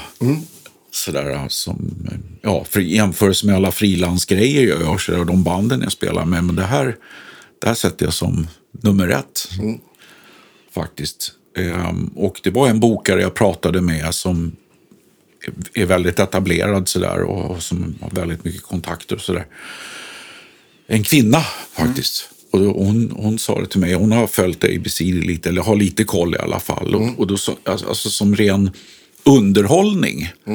För det är ju det man många gånger vill ha. Va? Ja. Liksom. Och då menar hon på att ja, vem skulle inte vilja gå och se det här? ja, men eller hur? Om det är riktigt bra liksom. För att om man jämför då med, eh, inte att liksom se ner på, absolut inte, men- jämf jämförelsevis då liksom, eh, vi säger svenska band eh, som har en egen publik, ja men då är det ju den egna publiken man vill ha dit. Eh, sådär. Och, men, men alltså ACDC, det slår ju så brett. va? Ja, ja, visst. I stort sett alla vet vad det är. Så att det skulle ju kunna, liksom, med tanke på det, dra mer folk. Och alla får höra låtar som... Vi spelar ju nästan uteslutande ACDCs största låtar. Ja, Liksom. visst. så att eh, det finns ju en chans till att man kan faktiskt få till lite gigs och sådär. Det så det, det hoppas vi Men på. alltså det är andra tributband som kör, liksom, eh, jag tänkte på, på Jonsson där som har både... Alltså eh, Queen. Queen, Ja, A just Night in Queen va? Ja. Och sen så kör han Dry Straits. De har ju liksom kört på stora cirkus och sådana saker. Så att det Ja. finns ju, det går, det finns Ja, ju tributband som går väldigt bra. Liksom. Absolut. Ja. men jag har ju spelat ABBA Tribute i 14 år. Det är också så här. Det är ju, exakt samma sak. Det är musik som folk älskar. De går ju för att höra ABBA-musik. Ja. Inte för att de skiter i att, att jag står där och spelar gitarr. Liksom. Jo. jo, men det är det är ju... lite samma sak. Att Ja. folk liksom, det är här, musik som finns så starkt i folks hjärtan. Liksom. Jo, jo nej, men det finns ett stort underhållningsvärde på det. Då, så, nej, och så har jag börjat, vi får se hur det, det har faktiskt det, sälj, det rasar ju inte iväg försäljningen. Av, den har ju gått och, länge nu, eller vad är det, en månad eller en och en halv har plattan gått och, och förhandsbeställa och sådär. Och lite merch-grejer också ifrån Merchants då. Eh, som vi har en, en webbshop. Mm. Och det säljer på ganska bra faktiskt. Sådär. Så att eh, får, får jag tillbaks lite pengar där så tänker jag mig att det investerar jag i att göra en, någon slags 40-års utgåva av Ja, någonting med lite mer nya låtar. Ja, och sådär. Ja, Och men jag har varit i kontakt med, med, med Sony som nu äger BMGs Just det. eh, katalog. Just det. Då, liksom. Så jag, har, jag skickade igår ett mejl till dem och frågade liksom, hur skulle vi kunna göra, licensiera liksom, låtarna ifrån våra gamla inspelningar och sådär. Kanske göra någon form av best of med några nya Ja, låtar. exakt. Eller, för det är många som frågar efter de gamla plattorna och de pressas ju tyvärr inte längre. Nej. Men det, Men finns det nya på vinyl? eh, ja, den nya finns på vinyl. Ja, det måste jag Vit, beställa. röd och svart. Ja, vad coolt. Och på CD också. Då. Ja. Och så bestämde jag mig redan ifrån början att det här ska inte snålas på någonting. Liksom, utan ska det göras en, en, en vinyl och en CD Ja. Mm. så ska det göras på riktigt. Och hur ville man ha det? Vad var det bästa man visste när man var liten och köpte plattor eller började köpa plattor? Det ska, Gatefold. giv, det ska vara gatefold. Och min eh, tanke var att ha som, eh, jag var ju och är fortfarande en stor diggare av Status Quo. Och de hade i sin platta, eh, vad heter det nu då, On the Level. Där, där var gatefold, i alla fall på första utgåvorna där som jag hade. När man viker ut den så är det smockat med bilder. bara ett visst. stort collage. Eh, ifrån deras turnéer och vad det är för någonting. Då, liksom. och, och det var så spännande också, för att hur mycket man än satt och kollade på det där collaget så kom det alltid upp någonting nytt. Ja. men den där lilla bilden har jag inte sett förut. Sådär. Ehm, så att det har vi gjort, ett collage då i uppslaget. Och sen så är det givetvis en, eh, en innepåse med alla texter och, och bild och, och sådär. Och all info. Så det, det, det tänkte jag ända från början. Och CDn ska givetvis vara liknande då. Så, så att eh, det finns tillhanda. Kommer ni rent att sälja de här på release-kalaset? Ja. Perfekt. Ja, det kommer vi att göra. Ja. Ta med det Och stora, tröjor. Får Ja, ta med det stora i Ikea-kassen då. Ja, precis. Jo, då, tröjor som det står eh, ABCD back and attack på. Ja, Sån måste man, sån måste man ha. Ja. Verkligen. ja. Eh, vad, vad, hur, om man bortser från det här, vad, hur, ser, eh, hur ser det annars ut eh, musikaliskt just nu? Har du ägnat mycket tid till, eh, till barngrejerna eller har du... Ja, jag har ju, som vanligt så gör jag många olika saker. Jag, eh, jo, jag håller på med Dr. Bajskorv då. Eh, så det ska det komma ut fler låtar med. Och den har väl varit en ganska bra kassako för dig sådär så att det liksom streamat på och, och trillat in. Ja, eh, det är ju ingenting som jag kan leva på, men visst ger det ett tillskott. Ja. Eh, och ehm, jo, det, det, topplåten där har ju nu streamat över 3,5 miljon. Liksom. Det är ju väl fantastiskt. Ja, så, grymt. och alldeles nyligen så la jag ihop eh, låtar. Det har ju bara varit sing, singelsläpp. Men nu smäller jag ihop tio låtar till ett album som, man då, eh, som det då säger man, sammansluts till. Liksom, på, ja, och jag vet inte om ni såg det då, liksom, men, men då gör Spotify det i alla fall. Då, liksom, att då bakar de ihop alla streams. Och då såg jag att det låg ju på 6,2 miljoner eller någonting sånt Yeah. där. Ja, det är bra. Ja, så det känns jättekul. Nej, men och så, sen så har ju bandet Treat då, Just det. som har 40-årsjubileum i år, som vi kommer att göra lite gigs med. Mm. Och senaste plattan har gått ganska bra. Sen så... Eh, sen har jag gjort inspelningar med alla möjliga. Jag har just slutfört eh, 14 låtar som jag lagt bas på till ett band som heter, eller ett projekt som heter Luciferian Light Orchestra. Okej. Som är Christo- Christopher från Therion, hans eh, sidoprojekt. Eh, och där kommer det fortsätta med, jag ska väl få en 14-15 låtar till med Oh, det tror jag. Ja. Ja, plus att jag har varit med på många andra inspelningar också. Du ju, du, har du lagt bas på de sista eh, senaste T- Terion-albumen också. Jag är fortfarande med, jag är inte med och spelar live, men Kristoffer vill ha kvar mig och, och spela på plattorna. Så Just det, men deras- det var väl på grund av att liksom du, just med sömnproblem och alla, alla jetlags och flygningar och sådär, då tar Ja. man slut till slut. Ja, nej, jag kände efter 94 gigs, då vi bland annat var i Australien också, och eh, Kina, eh, Israel. Ja, det, ja det var... Det blev för mycket då helt enkelt. Alltså, så att jag sa det att jag gör de här spelningarna som är kvar då 2019. Men ja, det hade jag inte räknat med, sa han, att du skulle hoppa av nu. Men, men eh, okej, jag förstår, sa han. Men jag vill att du ska vara kvar på plattorna. Liksom, För det funkar så bra då. Visst, sa jag. Så att jag är med på de tre scenerna. Eller två har släppts nu då, men det är en tredje som hålls på att mixas nu då. Vad har du för setup för, för basinspelning? Har du någon go-to preamp eller pedal eller något som du Nej, jag kör in? bara rakt in? rakt. Nej, jag kör in i en Sandsamp. sand, sandsamp. Och sen in i mitt billiga ljudkort. Om det är Sennheiser eller jag vet inte ens vad det är. Ja. Kostar 1200 spänn. Ja, och, och, och rätt in bara. Ja. Ehm, så det är så jag gör. Ehm, nej men och så, vad, vad gör jag mer för någonting? Nej men sen så har jag ju, förra sommaren så spelade jag med Mats Ronander en del. Och det kommer fortsätta nu. Ja, kul. Imorgon bitti så åker jag ner till Malmö. För att spela med Mats Ronander och vi har eh, Sanne Salomonsen som gäst. Nej, Kul. vad Ja. kul alltså. Vart spelar ni någonstans? KB Malmö. KB, ja. Ja. Och, Är, är det med Malmö-bandet då med Pelle Järnryd och... Precis. Ja. Ja, så var, det var med dem jag spelade förra sommaren också. Och då hade vi Py Bäckman med oss som gäst på ett par spelningar. Men nu blir det Sanne Salomonsen och det ska bli riktigt kul. Jag spelade ju väldigt mycket med Sanne under 90-talet. Ja. Men nu har jag inte träffat henne på sen, oh, ja, sen år 2000.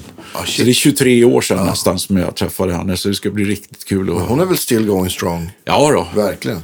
Hon hade det ju väldigt kämpigt ett tag. Hon fick ju en stroke. Precis. Men jag tror att det är mellan 10 och 15 år sedan nu. Så, så det tog väl några år för henne att komma Sen. tillbaks. Men ja, Nej, det, ska bli, det ska bli riktigt skoj faktiskt. Jag ska väl hem och, och, repetera lite på låtarna här som, som vi ska köra då.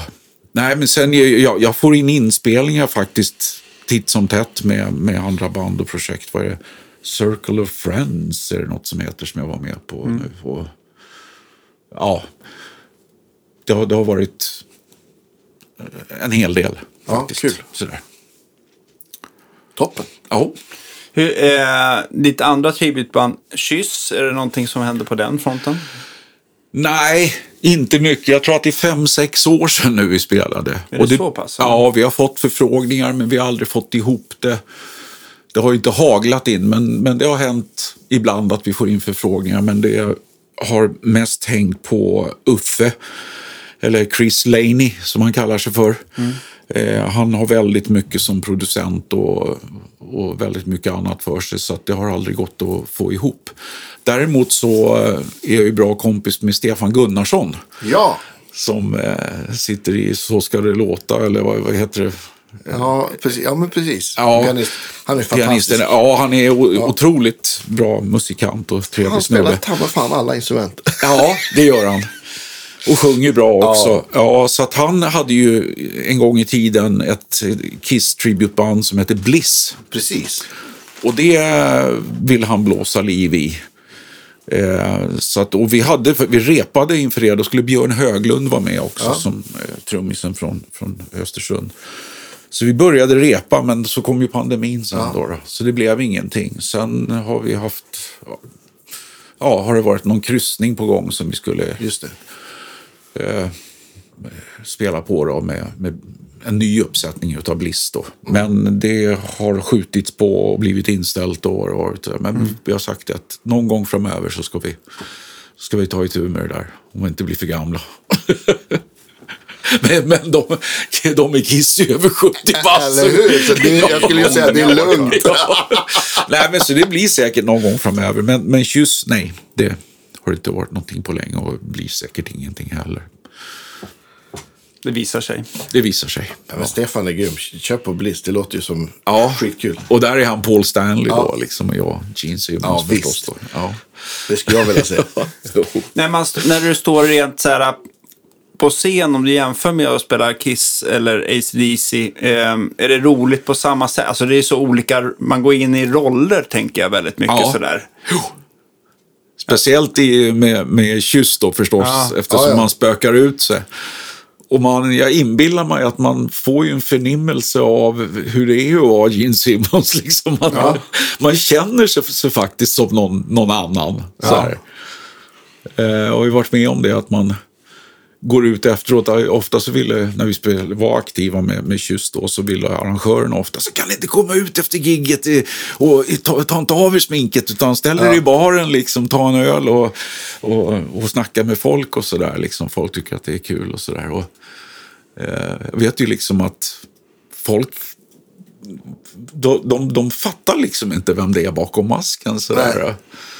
Eh, det, blir, det är en märklig känsla. det alltså. och, där, och så lukten av sminket och peruken det, och ja. sådär. Man, det blir som att man stöps in i en annan atmosfär på något sätt. Sådär.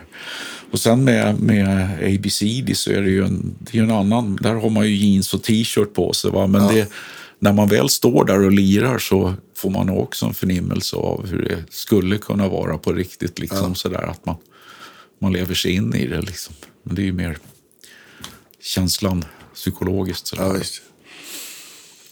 Ja. Coolt. Ja, jag, Ja, skulle är verkligen, jag ser om jag kan få möjlighet någon av kvällarna att Ja. komma och lyssna. Det vore så jäkla kul. Alltså. Ja, det är bara att det är, verkligen. så, se- det är sent gig. Ja, visst. Men, jo, eh, ja. Man får försöka hålla sig vaken där. Jag så får klona mig själv bara. Ja. Ja. Eh, grymt. Eh, Jag tänkte så här, med, eh, när, det gäller, när det gäller just alla grejer, du har ju så himla mycket saker nu. Vi brukar ju alltid fråga vad, vad är liksom det sista liksom, du säljer. Men du har ju så himla många fina, alltså, jag tänker på dina Yamaha-basar eller, eller sådär. Vad, är, är, det, är det någon av dina instrument som du håller extra kär? Ja, men det är ju min eh, BB, Yamaha BB 1600. Den kanske ni har sett med en massa siffror på det som jag har lackerat så fint själv. den har jag haft sedan 1986 då. Och den känns ju nästan som en del av mig själv. Ja, jag förstår. sådär. Eh, och den låter väldigt bra. Jag vet att ända från början när man var ute och spelade och i olika sammanhang och eh, olika ljudtekniker och alla sa alltid som bra, bra basljud du har liksom. Alla tyckte att det, det, det låter riktigt bra sådär. Alltså, det fick man ju bekräftat då. Man har, den Jag tror att det, bra jag tror att det är dina på. händer. Vet du. Ja, ja, ja, det är väl, ja, det är väl någon kombination kanske Ja. då. Men, men, eh, eh, nej, men den håller jag ju väldigt kär då förstås. Och eh, det skulle jag ju gråta blod om, om den försvann. Så den lämnar jag aldrig ur sikte. Men, men, men sen är det ju så, inte, så ty, tyvärr så gick ju Anders Tidell bort Ja. förra året då, så- från True Temperament. Jättetråkigt. Ja, men han, jag har ju fått en, eller fick ju honom att göra en, ja det blev en specialgjord Rickenbacker 4003, men som jag gjorde om, som han slipade ner halsen på så, där, så att den skulle bli som en 4001. Eh, och eh, med True Temperament på då också, de banden och Ja, så har jag bara en, en ratt på den också. Det är ju fyra stycken på den. Ja. Men jag tänkte, vad fan, jag använder ju aldrig de där. Kommer man åt av misstag och det Är, är det liksom att, för det är väl två mickar på de där. Har du, hur, har du kopplat då? Är det bara hals eller bara stallmicken? Jag kör eller? bara på stallmicken. Okej. Mm. För sen kör jag igenom sandsampen och vrider upp den så att det blir lite, Lite lite, lite lagom fräs. Liksom li, lite distat sådär. Eh, och det, det blir bra faktiskt med... Vi satt och testade väldigt mycket sådär nere hos Anders Tidell på hans verkstad. Då, men, men jag kom fram till att nej, strunt, strunta i, i halsmicken där då liksom. Som jag tyckte. Så, nej, och de- den, den känns ju väldigt speciell nu liksom i och med att det var en Mm. Ja, av de sista grejerna han gjorde. Och jag har hela tiden, eller i flera år innan, så var jag tillbaks till Rickenbacker. För det tycker Mm. jag, det är liksom, har alltid varit flaggskeppet för mig trots att jag kört på Yamaha. Ja. Sådär. Ja, de är ju skittuffa. Ja, för det var det som mina idoler hade från början. Då, liksom. Roger Glover, Glenn Hughes och Geddy Lee och Ja, visst. vilka det var. Liksom. Eh, så, och Benno Mangarelli från, från Neon Rose. Jag har Ja, faktiskt... okej. ja, han gick ju bort tyvärr för vad är det, tre, fyra år sedan. Ja, du fick du väl tag i någon av basarna? där Ja, jag var ju här Ja, med, ja, med, med, hjälpte den till dig då. Direkt efter jag hade köpt den faktiskt. Så att det var väl något år efter begravningen som jag var på då. Så jag hade haft kontakt med både hans eh, dotter och inte så mycket med hans dotter, men lite mer med hans son. Och jag träffade dem på begravningen givetvis. Så var det väl något år efter begravningen. Jag vet att hans son Leo sa till mig att de hade maga magasinerat pappas grejer då. Liksom. Och jag tänkte på det där liksom att jag ringer upp. Ja. Jag ringer upp Leo och frågar liksom lite försiktigt då sådär. Så att du pratade om din pappas grejer sådär. Om det är så att han har kvar en, en Rickenbacker där svart. Eh, tror att jag skulle kunna få köpa den då. Då sa han direkt bara. "Givet- Är det någon som ska ha den så är det du i sådana fall. För han visste hur, hur mycket jag beundrade hans pappa. Då. Så, eh, och jag sa det att det är inte någon fråga om att jag ska pruta eller hålla på eller någonting. Utan vi går och värderar den, sa jag. Så får du de pengarna som den är värd. Liksom. Eh, så att så... eh, Det var, det var tyst länge, i ett par månader tror jag. Liksom. Jag ville inte tjata på honom. Utan jag sa, "Ja, ja, någon gång framöver ska jag dit och kolla igenom alla grejer och sådär. då. Och så kom det helt plötsligt ett sms då med en bild. MMS heter väl det. Eh, så, är det den här du menar? Så här. Ja, ja, Ja. ja, det är den. Det är liksom, ja, jo, det, då, då är den din. Vi, vi träffas och gör upp om det här då. Liksom, så. så gick vi till Halkan faktiskt då. Han värderade den då så där, så fick han de pengarna. Det känns väldigt genuint Men jag tycker det, alltså, även om det är, man inte vill pruta och så, så är ju ofta så här gamla instrument, det är ju ganska väl investerade pengar. Visst De brukar det. ju röra sig ganska Ja. ja. jäms med, med inflationen så, där, så att det är Ja. sällan man förlorar någonting på Nej. att binda upp det. Liksom. Nej, Om man men- inte får panik och måste hitta Nej, någon precis. köpare. Men, Ja. Nej, men eh, alltså det... Ja, nej, det är häftigt att ha. Be- Men sen så började jag forska lite mer i det där och ehm, så såg jag liksom på bil- gamla bilder på Benno. Så såg jag liksom att, vad fasen, han har ju en... Det är ett annat, liksom loggan på huvudet är ju en annan. Liksom. Har han bytt bara den, den här, det här märket och där det står Rickenbacker? Eh, har han moddat om någonting? Den ser exakt likadan ut där, men det är, det är liksom vitt, vitt på svart istället för svart på vitt. Då, Just liksom, ja. sådär. Så jag funderade på, så då ringde jag Gunnar Hallin som var med i Neon Roast också. Så sa kan det ha varit så att han hade två svarta Rickenbacker? Ja, sa han. Jag var med när, jag, när han beställde och köpte dem, så. Så nu har jag ju sökt upp Leo igen för att se om det Finns är en till? till liksom. Ja, såklart. Ja, det vet jag inte om jag har råd att köpa, men jag blev väldigt nyfiken i alla fall. Liksom. Eh, Men som sagt, eller tillbaks till Anders Tidells eh, eh, Rickenbacker där som jag- köpte och han som mådde om den och eftersom jag fick lackad av Jörgen Nasenius från Borlänge. Eh, den håller jag ju såklart väldigt kär då också. Sådär. Men den har jag inte riktigt spelat in ännu. Den känns jättebra. Liksom. Men eh, jag känner att den, den kommer att bli väldigt bra med tiden. Sådär. Är det den, när du har kört frilansgrejerna sådär, vilken, är, är det någon av Rickenbacker-basarna du brukar använda eller Yamaha-basen då mest? Eh, det är Yamaha-basen. Ja, för, men jag inväntar nu en, en till Rickenbacker som, är, som eh, kommer att bli röd. Den är, på, den, är på, den är på lack nu uppe i Borlänge hos Jörgen Asenius. Då, då. Eh, men den, den hoppas jag Ska kommer det bli motiv eller ska den, eh, vad är hans specialitet när det gäller lackning sådär? Han är duktig på allt vad det gäller med lack och airbrush och sådär. Han är fantastiskt bra tycker jag. Han har gjort väldigt många svenska musiker och även utländska också. Eh, nej, så att jag kommer, nej, den kommer att bli någon form av röd. För jag utgick ifrån Steve Priest från The Sweet. Okej, Som också var ja, ja. stor idol för mig då när jag växte upp. Uh, utgick ifrån hans röda då, så har någon så här lite rödbrun färg sådär. Och som ett, något mönster runt sådär. Då. Eh, outlinen där då. Eh, nej, men den, den, den hoppas jag kommer bli bra också. Den var lite äldre, det var en 2002 tror jag. Hur, när, när det just... Eh, för att knyta ihop säcken med din eh, Silver Jubilee Marshall där. Just när det gäller Angus. Alltså hemligheten till de här ACDC komp-gitarrerna är väl att man Malcolm ska... menar Äh, ja, Malcolm. eh, är väl att man liksom inte ska köra liksom så himla mycket dist liksom. Nej, det ska det ju inte vara. Utan det ska ju vara så att man, eh, man får jobba för att det ska dista. Inte som jag brukar kalla det för gratisdist, liksom, när, man, när man vrider upp det och så slår man, anslår man ansträngarna och så står det liksom och ringer i, i all evighet. Nej, utan man ska få Kräva, eh, på, liksom. på, på ren svenska piska skiten ur gitarren för att det ska låta någonting. Liksom. Eh, och det, jag tycker att det är... Ja, det, den, den låter riktigt bra faktiskt. Alltså. Och jag har ju hört då, liksom, jag, jag, är- jag är så dålig på sånt där själv. Så att jag går ju på delvis vad Stefan Bergström säger till mig. Och så får jag reda på liksom att bland annat, det är en helt annan style. Då, liksom, men bland annat eh, Kulle från Opeth. Han kör på samma grejer. Sådär. Ja, men är det good enough för honom så måste det vara good enough for me. ja. liksom. Så att eh, då måste jag ju ha rätt grejer. Liksom. Sen får man ju sitta och ratta lite och lyssna och jämföra. Sådär.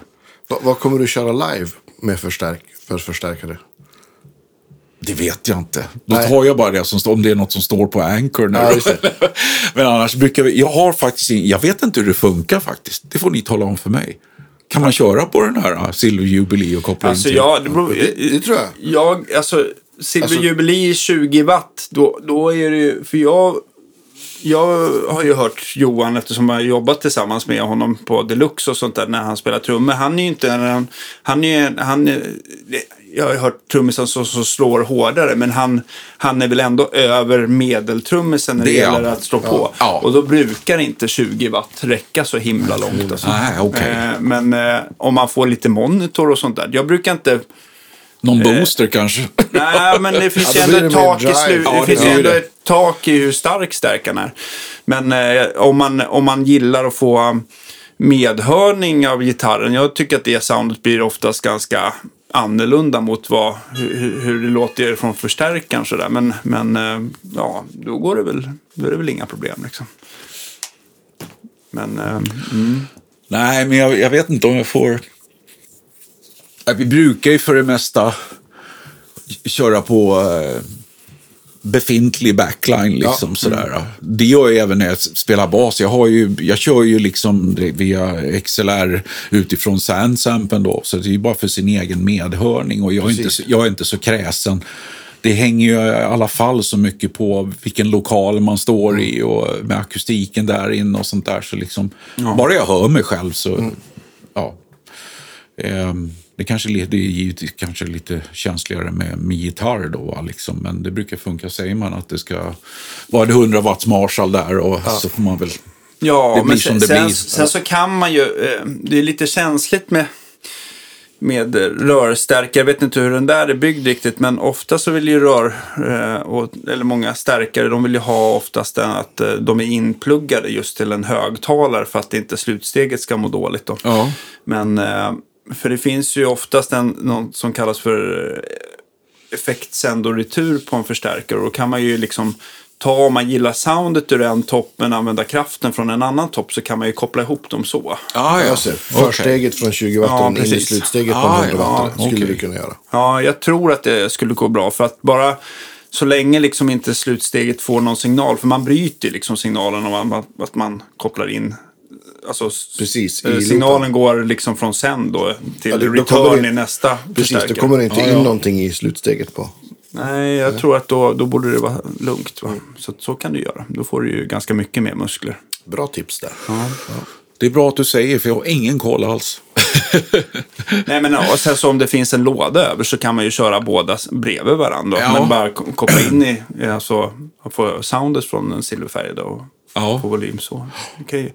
Det, är alltid, det är alltid kul med två förstärkare. Det Ja. spelar ingen roll. Det blir så jäkla brett och stort och eh, man blir genast lite, Lite bättre. gladare. Ja. Lite bättre också. Ja, det också. Kaxigare kanske man ska säga. Precis, exakt. Ja. Ja. Ja, grymt. Nej, Jag får önska ett eh, så här, riktigt stort lycka till. Ja, Att, men visst. ehm, ska se om jag kan klo- hinna klona mig själv till dess. Ja. Stort, stort tack för idag. Vi, eh, vi, Och vi hörs igen nästa vecka allihopa. Jajamensan, och tack för att ni stödjer oss via Patreon. det gör stort stor tack. skillnad. Ja, stort tack allihopa. Och eh, Nalle Nalkolm tackar så jättemycket för att jag fick komma hit. Vår ära. Mycket trevligt. Mycket trevligt. Ja. Tack Ha det för så idag. bra. Hej då. Hej då!